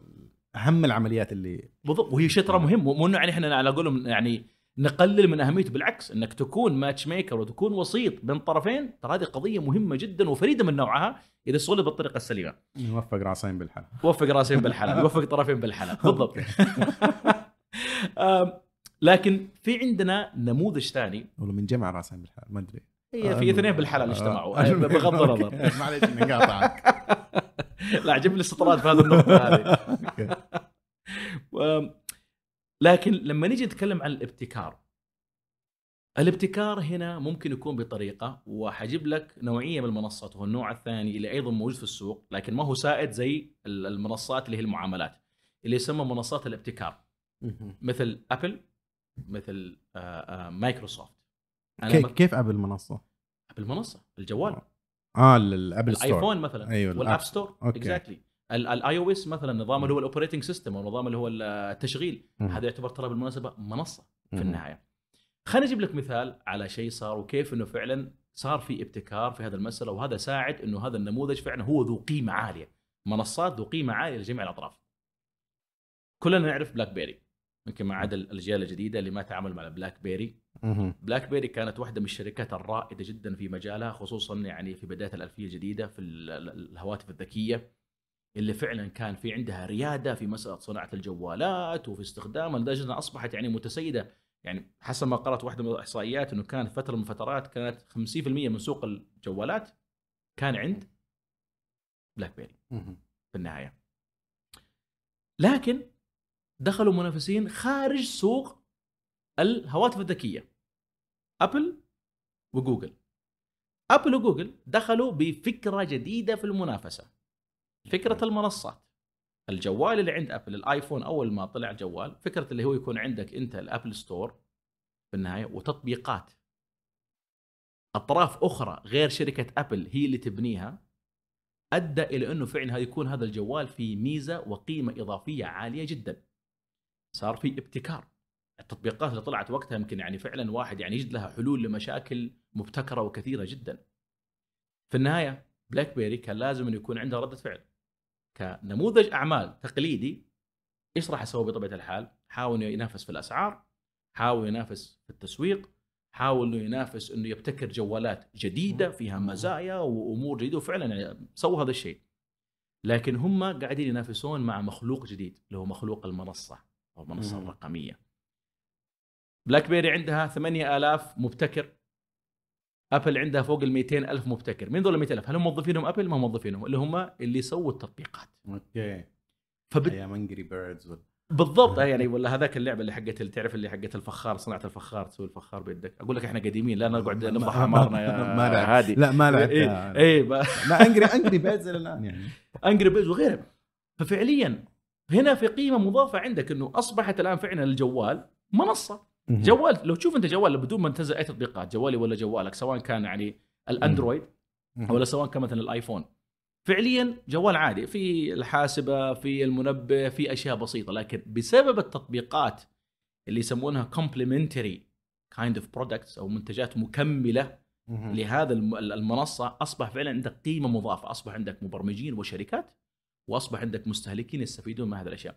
هنا فعلا المنصات لها دور كبير جدا في الابتكار. فلاحظت الآن أن المنصة نفسها هي عبارة عن مسهل لهذه العملية وكيف أنها تخلي يكون في هذا الاندماج بين التطبيقات مع المنصة. لكن ال- الابتكار لم يكن من المنصة نفسها إنما يكون من ناس خارج المنصة في هذا الحال حتى خلق البيئة أنا حقول لك الابتكار الآن إنك أنت تصير منصة مشجعة على الابتكار. وهذه يعني مثلا منصات حتى اللي ما هي في موضوع التقنية. بإمكانك إنك تشجع المستهلكين بدل ما أنت المنتجين حقك بدل ما أنت ناشف في حلوقهم يعني تخليهم أكثر تركيزهم على النجاح ممكن إنك تحفزهم على الابتكار. آبل مثلا أنا عاجبني مرة المثال اللي قلته. آبل تأخذ حصة ما هي بسيطة تأخذ 30% من آه من مبيعات أي تطبيق. اليوم لو تطبيق تدفع فيه 10 ريال 3 ريال رايحة لأبل و7 ريال رايحة لصاحب التطبيق. جميل. وإيلون ماسك كل الزحمة اللي سواها إنه إذا اشتركت في آه، Twitter Blue عن طريق آه، آه، app عن طريق الموقع يكون عليك بحدود 28 ريال بس إذا اشتركت بال App Store يكون حدود 40 ريال. مم. عشان ينا... يجبر الناس. في النهاية اتضح إنه معظم الناس اشتركت عن طريق ال App Store. أوكي. مع إنه هذا محبس مع انه 30% أنا من من وجهة نظري تستحق. تستحق لأن عملهم هنا مو فقط إنه أنا أوظف لك مكان إنك تعرض فيه. يساعد المطورين على إنه كيف تبني تطبيق. صحيح. عندهم هذا اللي يسمونه التول كيت أيضا فقط إنك تحافظ على بيئة هذه المنصة وتضمن إنها ما تصير يعني شيء معظم التطبيقات اللي فيه تطبيقات سيئة جودة المنتجات بحيث إنه يكون عندي ثقة. يعني الآن مثلا مع احترامي الشديد لأمازون هنا صراحة صرت ما عاد أثق إني أشتري منهم. وهذه مو مش مشكلة عندنا إنما مشكلة عالمية في أمازون. أمازون سماحها لل للمنتجين أقل جودة فقط عشان تضمن أقل سعر. مشكلة جالسة تهدد الشركة على المدى الطويل. ابل في المقابل لا. ما عندهم مشكلة إنه يطردوا لك تطبيقات حتى لو كانت منتشرة وناجحة إذا بدأت تخالف آه، سياستهم. م- ممكن تسمح لي إنه هذه يعني آه، نقطة ذكرتني وثاني مرة. اسمح لي مرة أخرى إني إيه. أنا لازم أدخل مشرفي في الدكتوراه اللي ألف كتاب عن المنصات. أوكي. سماه اللي هو على لو سماه سماها بيئة المنصات الرقمية. وكان يتكلم إنه في شيء مهم جدا لابد إنه تدركه المنصات في النهاية عشان فعلا يكون عندك هذا النوع من الابتكار وعندك نوع من الخدمات الجيدة. ما يكون عندك شيء مبتذل ولا شيء غير واقع وشيء فقط هو احتكار وبعقلية قديمة عقلية الاحتكار بدون تقديم خدمات أو خد- خدمات ابتكارية خلينا نقول هو اللي هو أهم حاجة نبغى نركز عليها ذكر هي الإيفولوشن أو التطور قال من المهم جدا بالنسبة للمنصات كنموذج أعمال إنها لابد تفكر دائما إنها تتطور في مم. ابتكاراتها تتطور في تقديمها للخدمات لجميع الأطراف وإنه كمنصة تتطور يعني في حوكمتها تطور في هيكلتها. ولا تكون في النهاية عبارة عن مخلوق جامد ما مم. يتحرك وما يتغير وإلا في النهاية راح يطلع عندنا الفشل اللي نشوفه بكميات كبيرة جدا في هذا الموضوع آه. طبعا المشرف اسمه آمر التيوان عشان لا أنسى الرجل هذا بس. يعني وأعتقد يعني يمكن شيء نختم فيه إنه من أهم التطورات اللي جالسة الآن المنصات لازم تنتبه لها يجي موضوع الحوكمة والتشريعات الآن جميل. في ضغط يعني عالمي وأتوقع حتصير حتى في ضغط محلي إنه هذه لازم تصير لها معاملة خاصة اللي جالس يصير لاير بي ام بي في كثير من الأماكن أنت تشوف السياسات ال... في. في حوكمة التقنية غالبا تطلع من أوروبا وتنتشر لأنهم هم الرائدين رائدين في هذا المجال صحيح. وتنتشر حول العالم فموضوع إنه آه تحافظ على المنافسة إنه تنطبق عليك نفس قوانين حماية المنافسة اللي تنطبق على الاقتصاد ال- التقليدي هذه أشياء تعني إنه لازم تعطي شيء أكثر من كونك فقط تستغل حجمك وتستغل قوتك السوقية والتسعيرية لازم نشجع على موضوع الابتكار. آه يعطيك العافية مازن أنا مرة انبسطت في في الحوار هذا.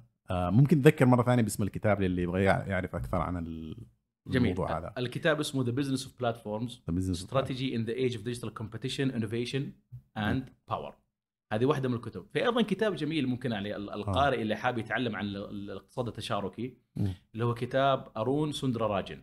اسمه. The Sharing Economy economy. Economy كتاب جميل طلع أعتقد عام 2016 2017 مهم. أم، ممكن بعد ما الواحد يتابع أو يقرا الكتاب يتابع اللقاء اللي صار قبل سنتين في بودكاست أعتقد موجود في اليوتيوب. آه، يتكلم عن رأي الكاتب نفسه بأفكاره اللي طرحت زمان وكيف هل تغيرت الأفكار ولا آه، إيه. ما تغيرت. اللي عجبني في كتاب The Business of Platforms إنهم ركزوا فعلا على قضية تشخيص إيش المشاكل اللي معروفة. وإيش الأشياء اللي ممكن يفترض إنه المنصات تتجنبها مهم. اللي هي فكرة فعلا رقم واحد التسعير مثل ما قلنا فكرة إنك أنت تراك أنت في منافسة مهم. فمو معناته إنه صار عندك حصة أكبر أو سوق أكبر معناته إنه منافسة يعني تهملها أو ما تنتبه صحيح. لها فكرة حكاية اللي هي التطور في النهاية آه تتطور مثلا يعني في خدماتك تتطور آه في آه آه على قولهم في المنصة نفسها والابتكار اللي تقدمه في النهاية وذكروا أيضا نقطة جميلة هي الدخول للسوق. وزي ما قلت لك ذكرت لقيت لك مع تطور التشريعات قد تكون المنصات الأقدم ما قبل التشريعات قد تكون لها ادفانتج أو ميزة مختلفة عن غيرها في هذا الحالة. فهذا كتابين جميلة. قد أنصح القارئ اللي حاب أنه يهتم ويبدأ يقرأ في هذا الموضوع يقرأ فيها وبعدها ممكن يقرأ في الكتب والمصادر الأخرى. إيش تنصح ال- المشاهدين والمستمعين بكتب تهتم بهذا الموضوع؟ الكتاب الأول ذكرته عن موضوع البلاتفورم استراتيجي أيضا من أهم الكتب في هذا ال- ال- المجال وحتى الطلاب يعني لما أدرس مادة الاستراتيجية أنصحهم إنهم يقرأوه. الكتاب الثاني في كتاب لي أعتقد اسمه أندي هوفمان اسمه الأخير هوفمان اللي هو آه، مؤسس LinkedIn كتاب اسمه Scaling ويتكلم فيه عن المشاكل اللي تواجه آه، الشركات والمنصات هذه لما تحاول إنها تحل مسألة البيضة والدجاجة اللي أنت آه، تكلمت عنها. آه، بس يعطيك العافية استمتعت جدا في الحوار معك هنا والى الحلقة القادمة. شكرا مازن. شكرا